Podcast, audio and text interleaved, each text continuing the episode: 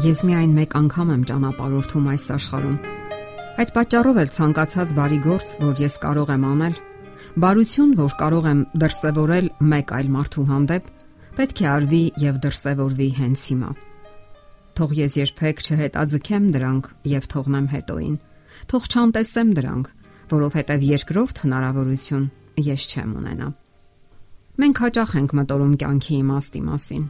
Անհավատների մի ստվարբանակ ասում է, որ կյանքն ինքնին անիմաստ է։ Մի մասն էլ ասում է, որ կյանքի իմաստը հենց կյանքն է, որ կա, եւ պետք չէ կողմնակի իմաստներով ծանրաբեռնել այն։ Սակայն մարդու որոնող եւ ստեղծարար հոգին անդադար որոնում է կյանքի իմաստը։ Որոնում է իր առաքելությունը եւ կենսական նպատակներ սահմանում։ Լինելով ստեղծագործական անznավորություն, մարդն օժտված է ամենատարբեր ունակություններով, ընտունակություններով եւ հնարավորություններով կամքով եւ երազանքներով։ Եվ սահմանելով իր նպատակներն ու ծրագրերը, մարդը սկսում է իրականացնել դրանք։ Քրիստոնեական հոգեբան սոցիոլոգ Ջոն Մեյսոնը հետաքրքիր կերպով է սահմանում նպատակը։ Նպատակը դա երազանքն է, կատարման որոշակի ժամկետում։ Իսկ ռուս նշանավոր գրող Դոստոևսկին Կարամազով եղբայրները վեպում այսպիսի միտք է արտահայտում. Վասնզի մարդկային գոյության խորհուրդը ոչ թե լոկ ապրելն է, այլ որոշակի նպատակի համար ապրելը։ Ապրելու արվեստ նաև այսպես կարելի է սահմանել մեր կյանքը։ Աստվածաշունչն այսպիսի խորհուրդ է տալիս. Առավոտյան ցանիր քո սերմը եւ իրիկունը թող չդադարի քո ձեռքը։ Սա նշանակում է, որ մարդը Աստծուց ստանալով ամենատարբեր ընտունակություններ ու տաղանդներ, հնարավորություն ունի կյանքում կիրառելու դրանք հանուն իր եւ ուրիշների բարօրության։ Իսկ դա իր հերթին նշանակում է, որ նա անկամ զինվորիկ չէ եւ ոչ էլ ճակատագրի գերի։ Երբ մարդը ապավինում է Աստծուն եւ նրան է հանձնում իր երազանքներն ու նպատակները, Աստված իր ձեռքն է վերցնում մարդու կյանքի ընթացքը եւ առաջնորդում նրան։ Աստված տալիս է գաղափարներ, որոնք օգնում են հասկանալու, թե ինչ է ցանկանում ասել մեզ։ Իսկ Աստված մարդուն հորդորում է ամենից առաջ մտորել կյանքի հավերժական արժեքների մասին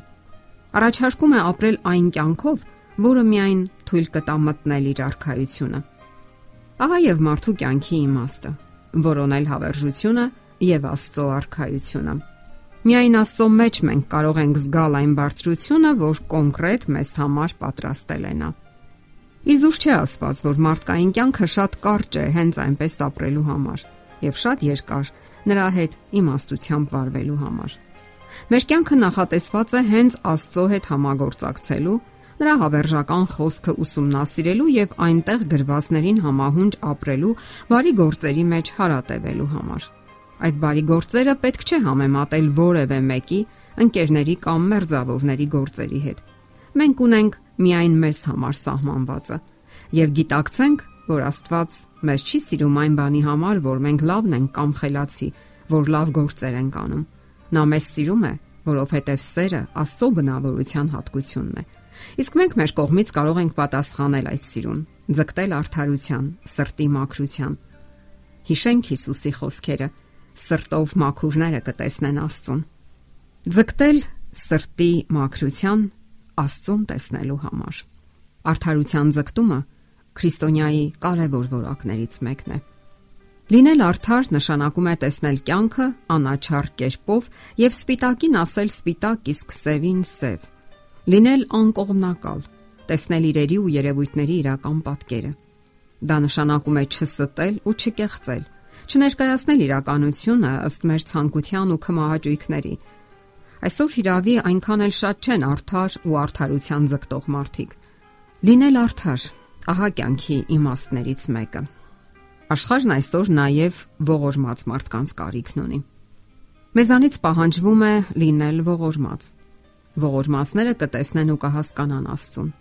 Նրանք փոխում են աշխարհն ու իրականությունը իրենց ողորմած գործերով կամ ողորմության գործերով, սիրո գործերով։ Նրանք սիրում են մարդուն ոչ թե վերացական ու տեսական սիրով, այլ իրենց գործերով ու վերաբերմունքով։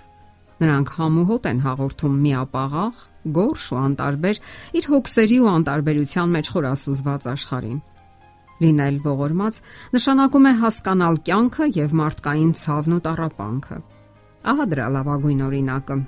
Ոստիկանը կանգնեցրեց մեքենան ու մոտեցավ։ Մեքենայի մեջ երեխաներ կային։ Ըստ օրենքի նա պետք է տուգաներ վարորդին, քանի որ մեքենայի մեջ չկար մանկական աթոռ։ Պատրաստվելով տուգանել, նա սովորության համաձայն հարցրեց. «Ինչու՞ չեք պահպանում կարգը»։ Տեղեկանալով, որ վարորդը հազիվ է ծայրը ծայրին հասցնում, ոստիկանը գնաց մոտակա սուպերմարկետը կամ հիպերխանութը եւ իր սեփական գումարով երեխայի համար մանկական աթոռակ գնեց։